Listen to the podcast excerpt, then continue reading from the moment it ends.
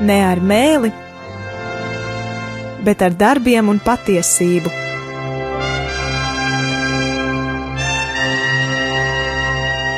Atvērsim svētos rakstus un studēsim kopā. Māca Jēkabs, Dieva un Kunga Jēzus Kristus kalps.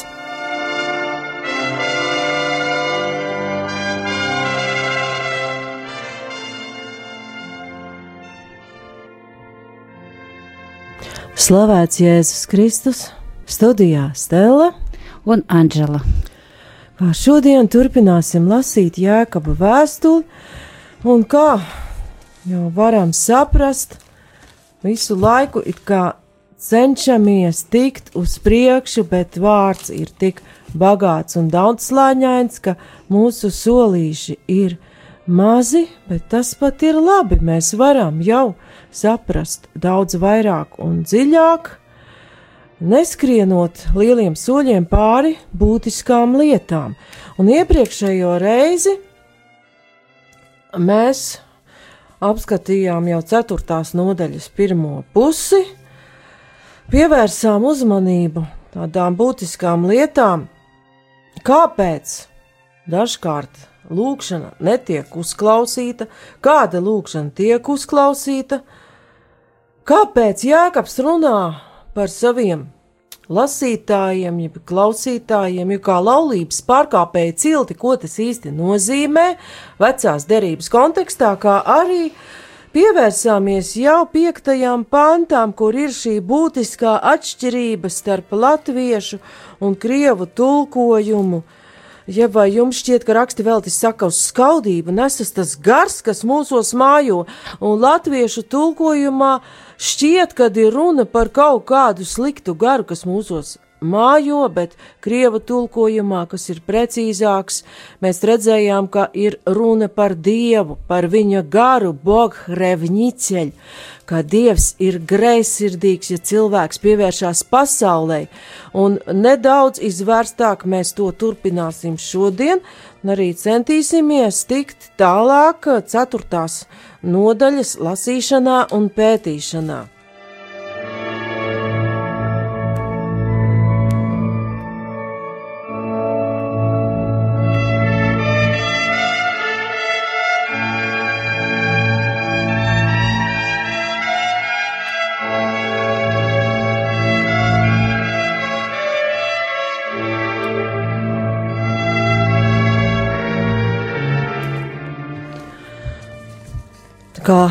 Atgriežoties pie tā, ka Dievs ir greizsirdīgs un varam saprast, daļai ieskatu un virzienu jau dod arī tas latviešu tulkojums Dieva gars, kas mūsos, tas jau aizved mūs atpakaļ pie pašas radīšanas iesākuma, kas mums parāda, no kurienes tad Dieva gars ir mūsos radīšanas grāmatā.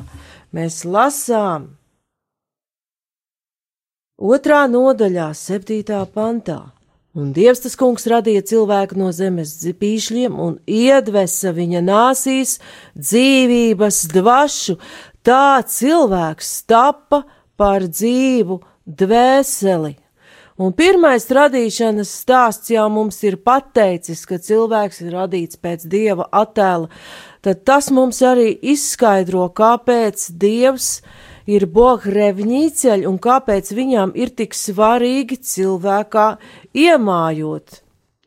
Un arī, kad uh, daudzi krita cilvēki grēkā, tad uh, pirmā rad, uh, radīšanas grāmatā ir rakstīt, ka Dievs redzēja, ka cilvēku ļaunums augtin auga zemes virsū un ka viņu sirdsprāta tieksmes ikdienas versās uz ļaunu, tad dievam kļuva žēl, ka viņš cilvēku zemes virsū bija radījis, un viņš savā sirdī ļoti noskuma, un dievs sacīja: Es iznīcināšu no zemes virsmas cilvēku, kura es esmu radījis, cilvēku līdz ar lopiem un rāpuļiem un putniem gaisā, jo man ir žēl, ka es tos esmu radījis, bet no atrada labvēlība Dieva acīs. Tātad arī tur redzam, ka dievam nav vienalga, un viņš varētu teikt pat dziļi pārdzīvo šo cilvēka atkrišanu no viņa, ka cilvēkā vairs nevar būt šis dieva gars. Un vēl mēs varam lasīt Cahārijas grāmatu 8.2. Un tur atkal būs tās dīvainības ar tulkojumu. Cahārija grāmatā 8.2 mēs lasām. Tā saka tas kungs Cebauts, man sirds kvēlo pret ciānu dziļā mīlestībā, un es esmu iededzies pret to arī bargās dusmās. Tā tad vienlaicīgi dievam pret šo izradzēto tautu ar ciānu tur tā ir apzīmēta ar šo vārdu, un jaunā derībā mēs to varam attiecināt uz visu cilvēci, tad dievam ir dziļa mīlestība pret savu tautu, pret cilvēkiem, un no tās arī rodas šīs it kā bargās dusmas, bet atkal krieviski ir savādāks vārds Vozrevnaval. Tā tad bija greizsirdīgs dievs, ir greizsirdīgs pret, par šo tautu, tieši par to, par ko Anžela nu pat nolasīja. Un arī e, izceļošanas grāmatā Dievs mums mūs uzrunā ar tādiem vārdiem. Un Dievs sacīja visus šos vārdus. Es esmu tas kungs, tavs dievs, kas tevi izvedis no Ēģiptes zemes, no vergu nāmā. Tev nebūs citus dievus turēt manā priekšā. Netaisi sev elku tēlu vai kādu atveidu, nec pēc tā, kas ir augšā debesīs, nec pēc tā, kas ir virs zemes, ne pēc tā, kas ir ūdeni zem zemes.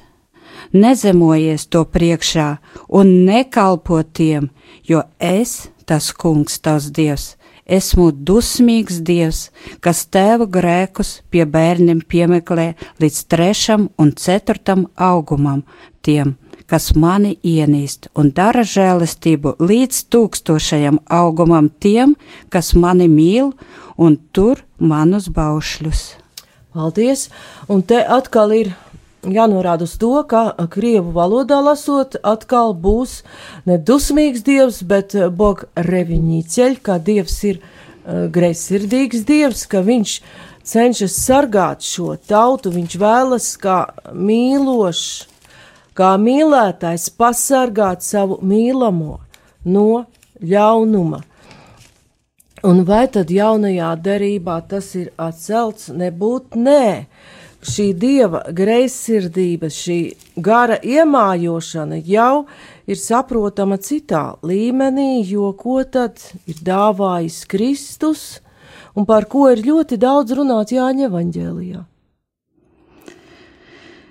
Tur daudzas reizes ir runa arī par garu, bet tas jau ir cits līmenis un savādāk. Tātad cilvēkam Jēzus pats ir parādījis, kāds izskatās šis cilvēks, kurā mājo šis dzīvības gars.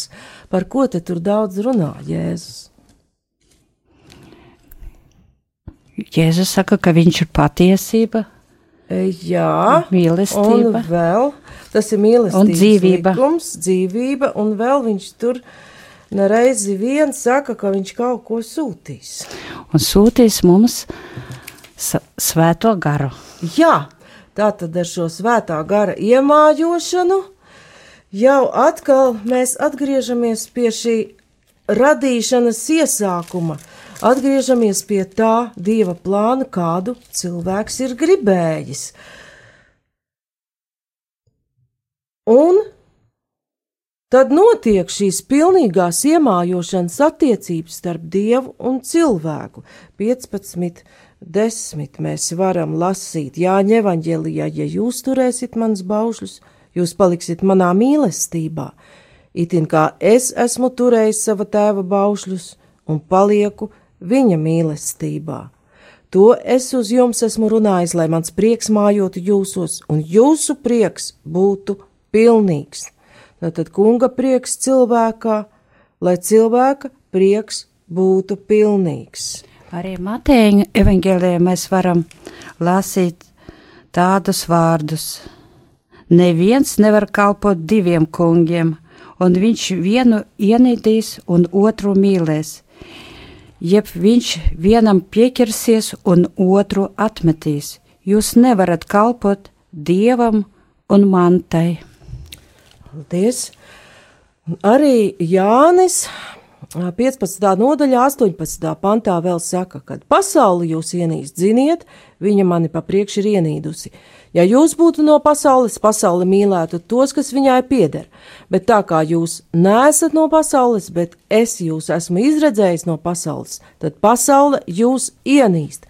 Un šis Jāņa evaņģēlī teksts vēl vairāk paskaidro Jēkaba vēstules vārdus, par pasaules un cilvēka attiecībām. Un vēl dziļāk parāda to, par ko mēs jau runājām, pasaules draudzība ir dieva ienaidība.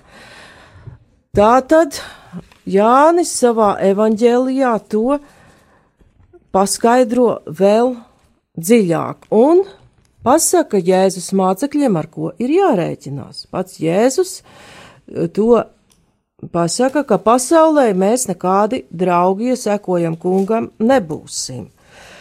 Un 16. nodaļā Jāņa evaņģēlīs runā pie par svēto garu, 16, 7 un tālāk, tomēr es jums saku patiesību, tas jums par labu, ka es aizēju. Jo, ja es neaizietu, aizstāvis nenāktu pie jums, bet aizgājis, es to sūtīšu pie jums un viņš nāks un liks pasaulē izprast grēku, taisnību un tiesu. Tātad arī šeit ir runa par svēto garu.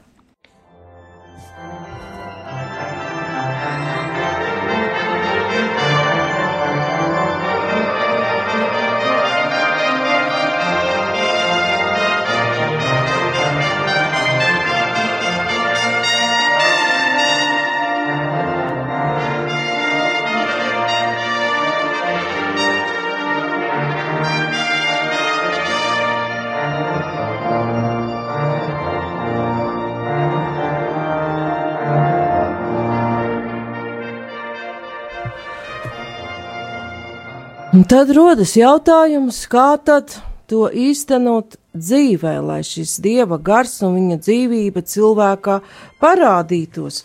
Un apustulis Pāvils vēstulē galatiešiem otrajā nodaļā to paskaidro ļoti vienkārši. Vēstule galatiešiem otrā nodaļa. Un ko tad raksta apustulis Pāvils tur? Viņš saka, tagad es vēlos atrast to, varētu pat no galvas, bet izlasīsim tomēr. Otrā nodaļa.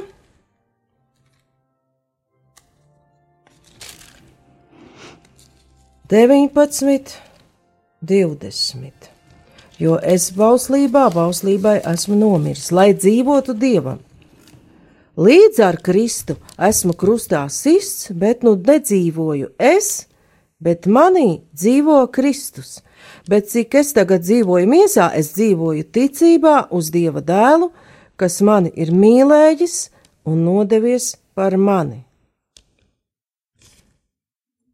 Tad šeit Pāvils īsi un skaidri vienā teikumā pasaka, kā mūsu dienās jaunās derības laikā Šis dieva gars, kas ir greizsirdīgs, var iemājot cilvēkā, un cilvēks var būt piederīgs dievam arī pasaules vidū.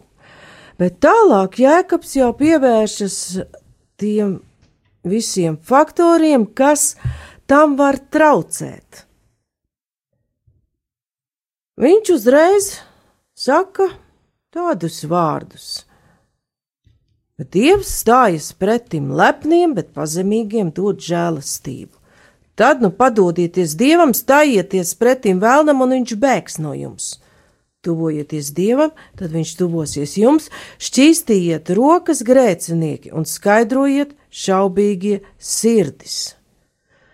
Uzreiz mēs redzam jau tādus kā atslēgu vārdus, kas tur ir ļoti svarīgi, un arī iet šie pretstati visam tekstam cauri lepns, pazemīgs padoties dievam, tuvoties dievam, dievs tuvosies jums, stājieties pretim vēlnam, un visur varbūt nav tekstā vārdiski izteikts tas pretstats, bet mēs loģiski varam secināt, ka teksta autors pieļauj arī to pretstatu, ka būs cilvēki, kas nestāsies pretī vēlnam, bet aizies viņu pavadā, ka būs, kas netuvosies dievam, bet paliks pasaules draugi.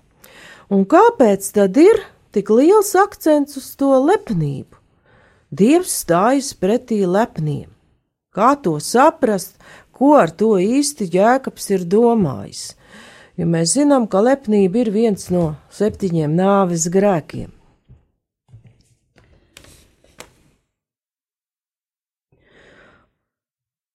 Un kam tad pašos aizsākumos tā lepnība bija tas klupšanas akmens?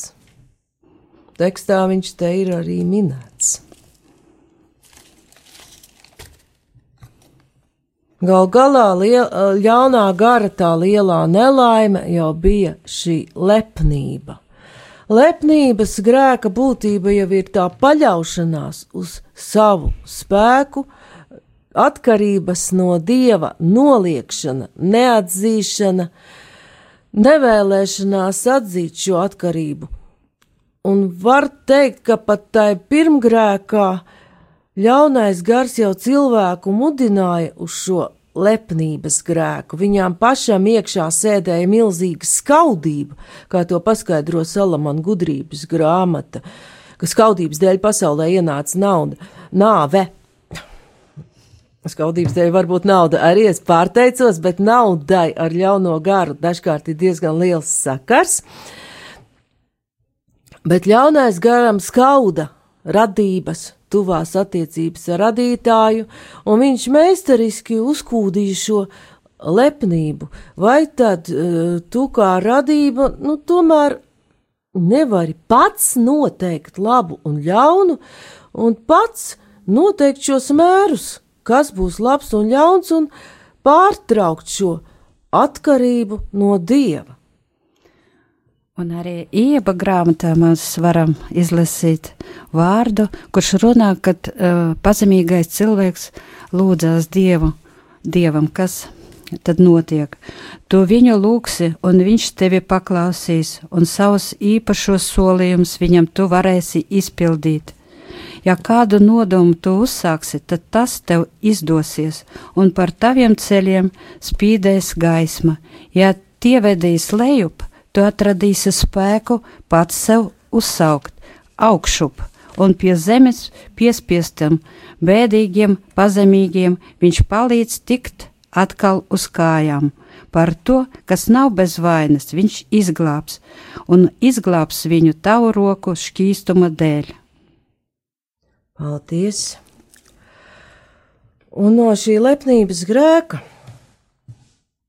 Dievs ir brīdinājis jau vecās derības laikā, tāds atkārtotā likuma grāmatas teksts, astotajā nodaļā, kurš arī man ļoti patīk un kurš mūsu dienās ir ļoti aktuāls, jo cilvēki tiešām patreiz sasniedz ļoti daudz.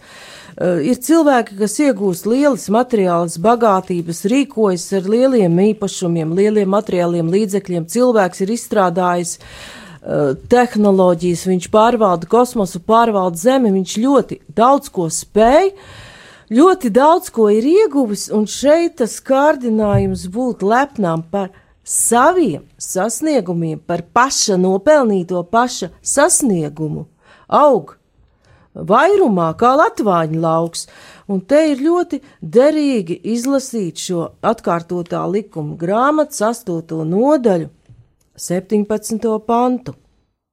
Un kad viss cilvēkam tas ir, mēs esam turīgi, ka mums ir eh, daudz, daudz īpašumu, arī ka mēs esam ieguvuši lielisku izglītību.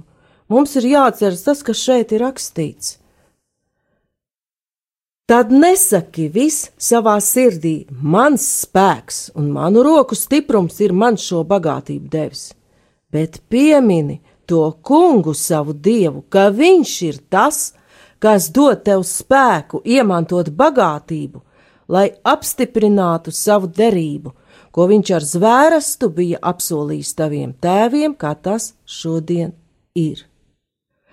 Un var izlasīt arī sekojošo 19. pantu, kur ir brīdinājums, kas notiek, ja cilvēks tomēr šai lepnībai padodas, kas notiek, kad Dievs sāk stāties pretī.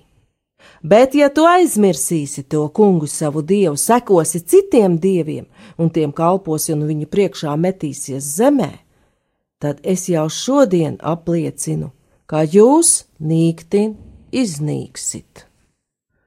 Un daļēji mēs to varam redzēt arī šajās ļoti augstu tehnoloģiski attīstītajās zemēs, kur it kā ir ļoti daudz labklājības, bet ir maz jaunu cilvēku. Cilvēki paļaujas uz savu varēšanu, uz saviem spēkiem un iznīks. Tātad ir jāpievērš tam uzmanība, ka šis dieva brīdinājums lēnām, bet neatlaidīgi piepildas šai lepnībai, dievs turas pretī,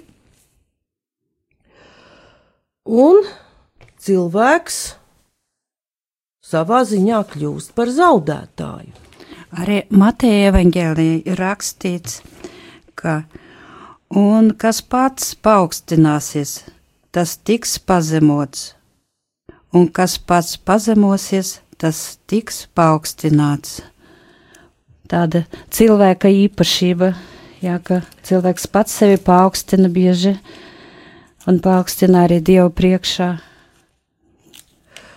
Un mēs ar to paaugstināšanu vai arī pazemību varam saprast to, kad vai nu atzīt savu atkarību no dieva, un arī atzīt to sev atbilstošo vietu pēc viņa plāna, vai mēģināt, kā teikt, savu dzīves scenāriju rakstīt pašiem. Un cilvēks arī bieži uzskata, ka viņam kaut kas pienākās, ja? Jā, arī tas man pienākās, un nereti cilvēks pat ar labu tādu reliģisku praksi un labiem tādiem reliģiskiem ieradumiem sāk domāt tā, kungs, es katru dienu eju uz misiju, katru dienu lūdzos, man pienākās. Un arī šeit jau ļoti veikli pat pa tādu dievbijības ceļu ļaunais gars pamanās pienākt pie cilvēka kā to ļoti labi pievērst tam uzmanību. Un kas tad ir tā padošanās dievam? Stājieties pretī vēlam, un viņš bēgs no jums. Un ne pazemība, ne padošanās dievam nebūtu neapzīmē tādu savu spēju vai dieva dāvanu noliekšanu.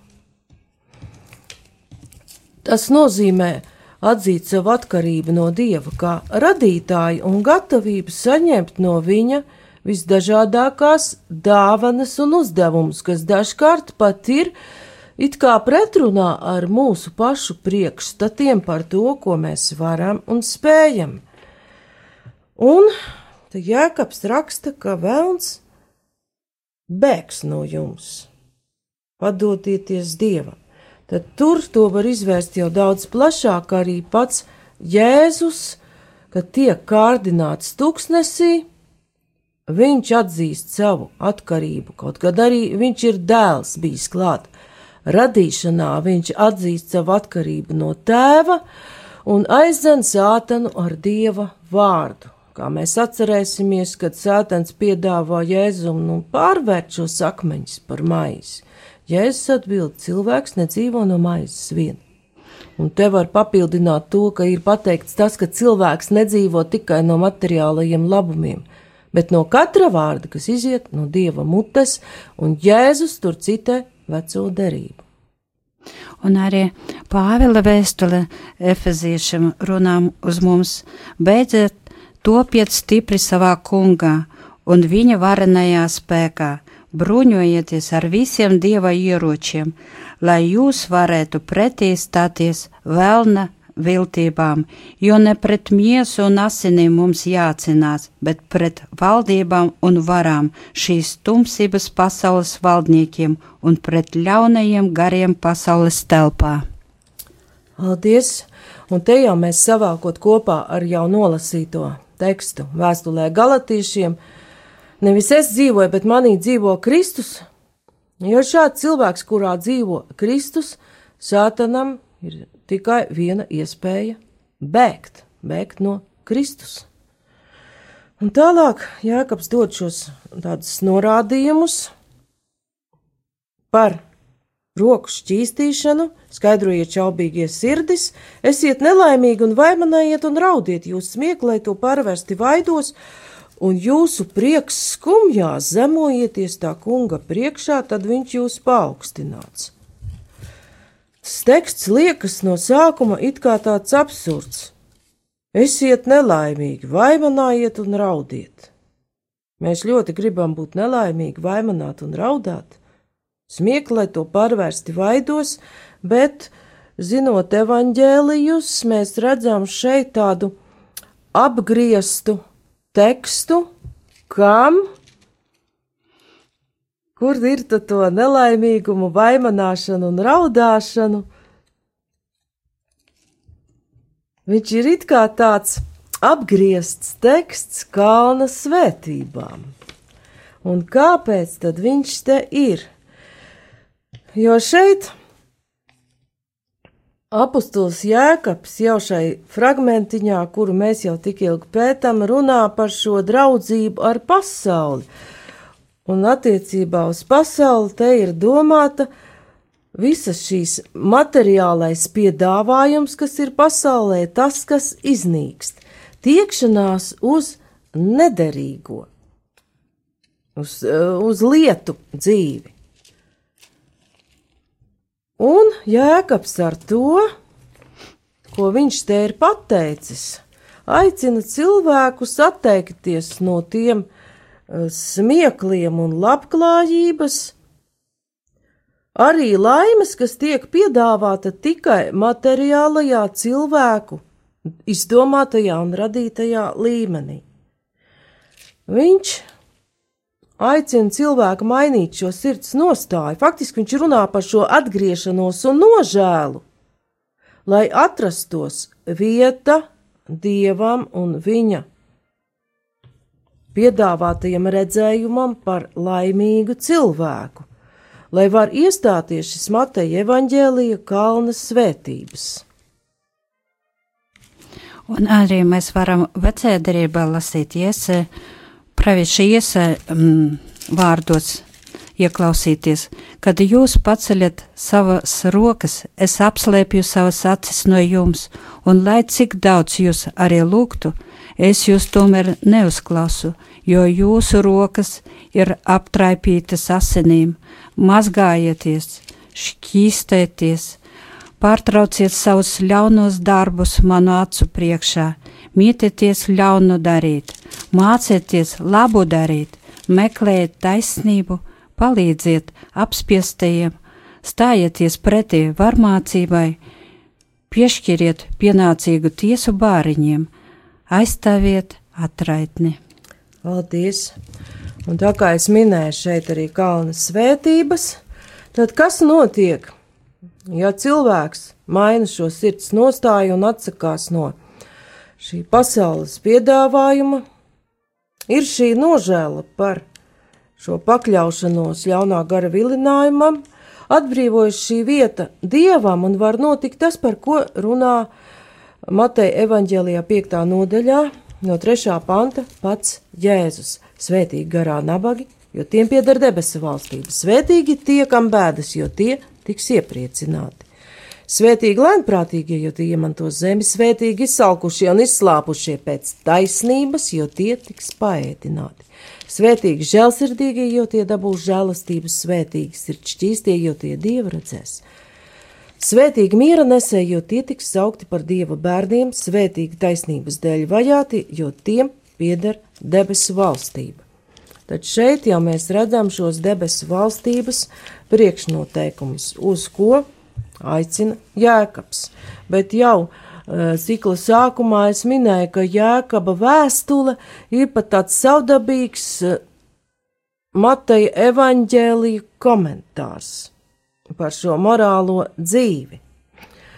Un tālāk jau ceturtās nodaļas otrajā daļā Jēkabs runā par tādām diezgan svarīgām arī mūsu laikā lietām, kā neaprunāšanu un plātīšanos ar nākotnes nodomiem, bet par to pēc īsas mūzikas pauzes.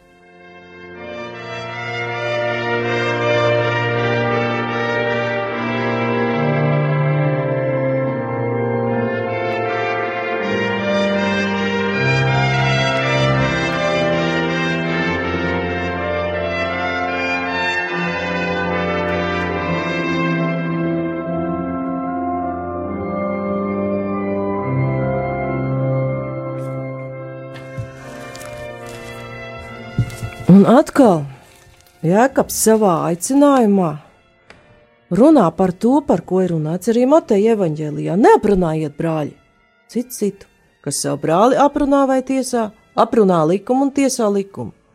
Bet, ja tu likumu tiesā, tad tu neesi likuma darītājs, bet soģis. Viens ir likuma devējs un soģis, kas var glābt un pazudināt. Bet kas tu tāds esi, kas tiesā savu tuvāku Tā tad šeit Jēkabs mudina bez liekas, tādas nepi bez nepieciešamības lieki nerunāt un neizteikt spriedumu par otru cilvēku. Un atkal krieviski ir precīzāki. Neaprunāt, nu tas aprunāšana mūsu uztverē ir tas, ka tiek teikts tas, kas tiešām ir, bet tas ir teikts ar nolūku to nodot tālāk, lai radītu par cilvēku sliktu iespaidu. Krieviski ir teikts pat zloslovija. Tieši tulkojot iznāktu ļaunvārdība. Tad Jēkabs aicina nerunāt ļaunu par otru cilvēku, jo tas ir pretrunā ar mīlestības likumu. Vēl mēs varam atcerēties, ka mēs neesam Dievs un mums nav viņa apredzības, jo ļoti bieži mēs nezinām un nesaprotam, kāpēc otrs cilvēks ir darījis e, vienu vai otru lietu, kādi ir viņa rīcības īstie motīvi. Mēs tos nezinām, tos zina tikai Dievs. Un kāpēc vēl ir šis aicinājums. Mateja evaņģēlijā 7. nodaļā no 1. panta Jēzus māca: Netiesājiet, lai jūs netopat tiesāti, jo ar kādu tiesu jūs tiesājat, ar tādu jūs tapsiet tiesāti. Ar kādu mēru jūs mērojat, ar tādu jums taps apmērots. Bet ko tu redzi skabargu savu brāļa acī, bet baļķi savā acī neieraugi? Jeb kā tu vari sacīt uz savu brāli, laid, es izvilkšu skabargu no tavas acis, un redzi, baļķis tava pašā acī liekuli. Izvelc pa priekšu baļķi no savas acis, un tad lūko izvilkt skabargu no sava brāļa acis. Varētu likties, ka te it kā Iznāk, ka mēs drīkstam neredzēt, ja notiek kāda liela netaisnība, vai mums ir kaut kas zināms, par ko tomēr uh, būtu vajadzīgs runāt, bet atkal ir jāšķir šis jautājums, kad, kur un kā. Ja mēs redzam vai zinām kādu likuma pārkāpumu, mums tomēr ir jāvēršas pie tiem cilvēkiem, vai tas būtu laicīgajā sfērā, uh, kas ir tiesību sargājošas iestādes, vai arī, ja tas notiek kristiešu vidē, ir jāvēršas par to pie tiem, kas ir atbildīgie, kas ir iecelti par šīm lietām. Arī evanģēlijā varam izlasīt, kas gan ir lielākais debesu valstībā, un Jēzus piesauca bērnu nostātie to viņu vidū un sacīja: Patiesi es jums saku, ja jūs neatgriežaties un netopat kā bērni, tad jūs nenāksiet debesu valstībā. Tāpēc, kas pats pazemojas kā šīs bērns, tas ir lielākais debesu valstībā, un kas uzņem tādu bērnu manā vārdā, tas uzņem mani. Paldies! Tātad te ir arī tāda bērna nostāja domāta. Un tomēr, ko iesākt, ja ir šie visi starpgadījumi, un mēs īsti nezinām, kā risināt kādu konfliktu vai strīdu ar savu brāli, vai mēs domājam, ka viņam nav taisnība, vai tiešām viņam nav taisnība, arī tur svētie raksti dod norādījumus, kā to risināt.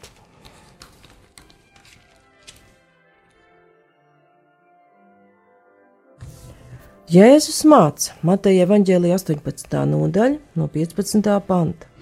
Bet, ja tavs brālis grēko, tad noej un pamāci viņu zem četrām acīm. Kad viņš tev klausa, tad tu savu brāli esi mantojis. Un, ja viņš neklausa, tad pieaicini vēl vienu vai divus, lai no divu vai triju liecinieku mutes katrs vārds tiek apstiprināts. Bet, ja viņš tiem neklausa, tad saki to draudzē. Bet, ja viņš neklausa arī draudzē, tad turi viņu par pagānu un muitnieku. Tā tad arī šeit ir piedāvāts ļoti apdomīgs un pat var teikt prātīgs un lēns kāda konflikta risināšanas process, un visā tajā mēs redzam to kopīgo nedot ātru un pārsteidzīgu spriedumu, nepārsteigties savos lēmumos un spriedumos par otru cilvēku, jo mums trūkst dieva pilnīgās apredzības.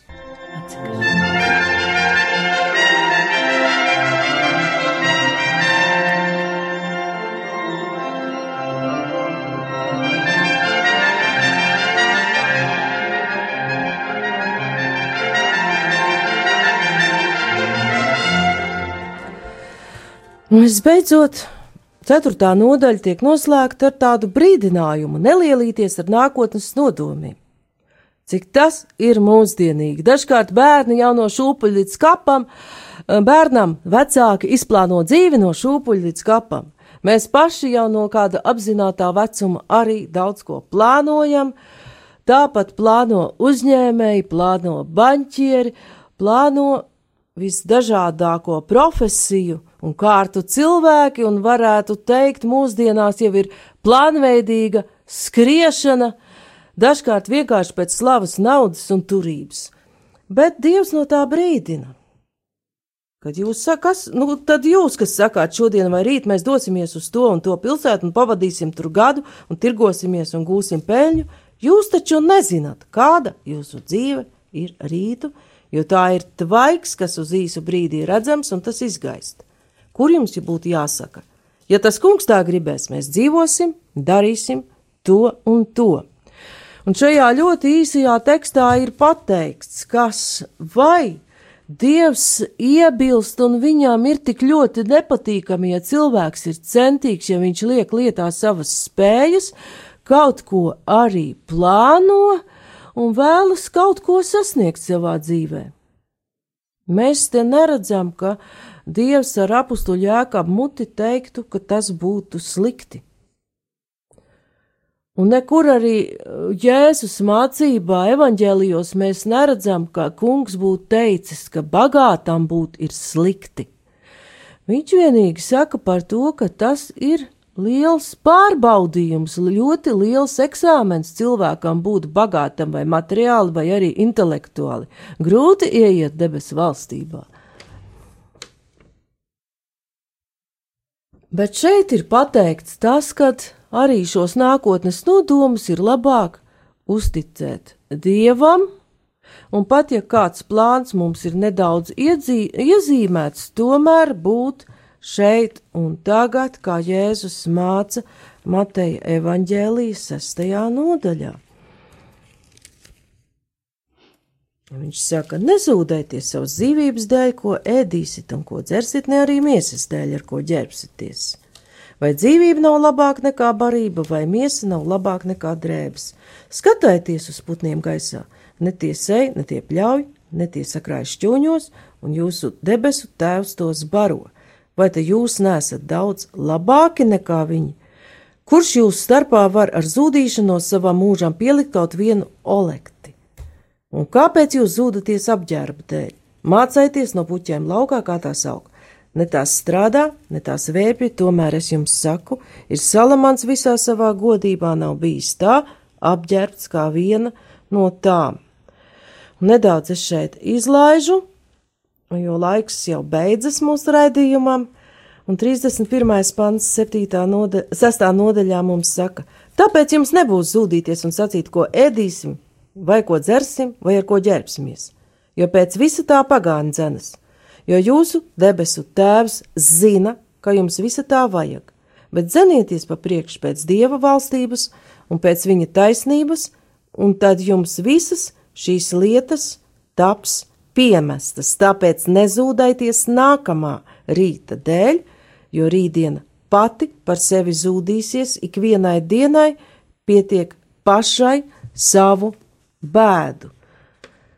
Tātad Jēkabs atkārto šo Jēzus mācību, nebūvēt milzīgus nākotnes nodomus kā neapstrīdamus, kā it kā tie būtu akmenī iecirsti, bet atstāt lielāko vietu šeit dievam, lūgt viņa palīdzību savu plānu īstenošanā un varētu teikt pat lūgt šo izšķiršanas dāvanu vai tas, ko mēs esam iecerējuši būs labs mums un mūsu līdzcilvēkiem, vai arī tas nebūs labs.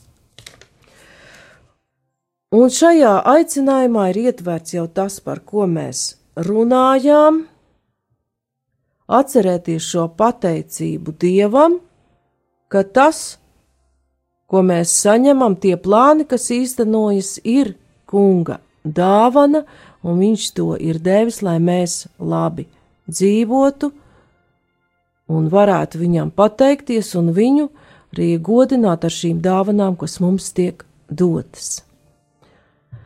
Paldies par uzmanību! Studijā bija Stela un Anģela.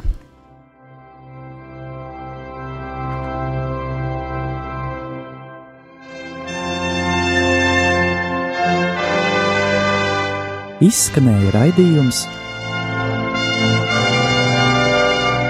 Ne ar mēli, bet ar darbiem un patiesību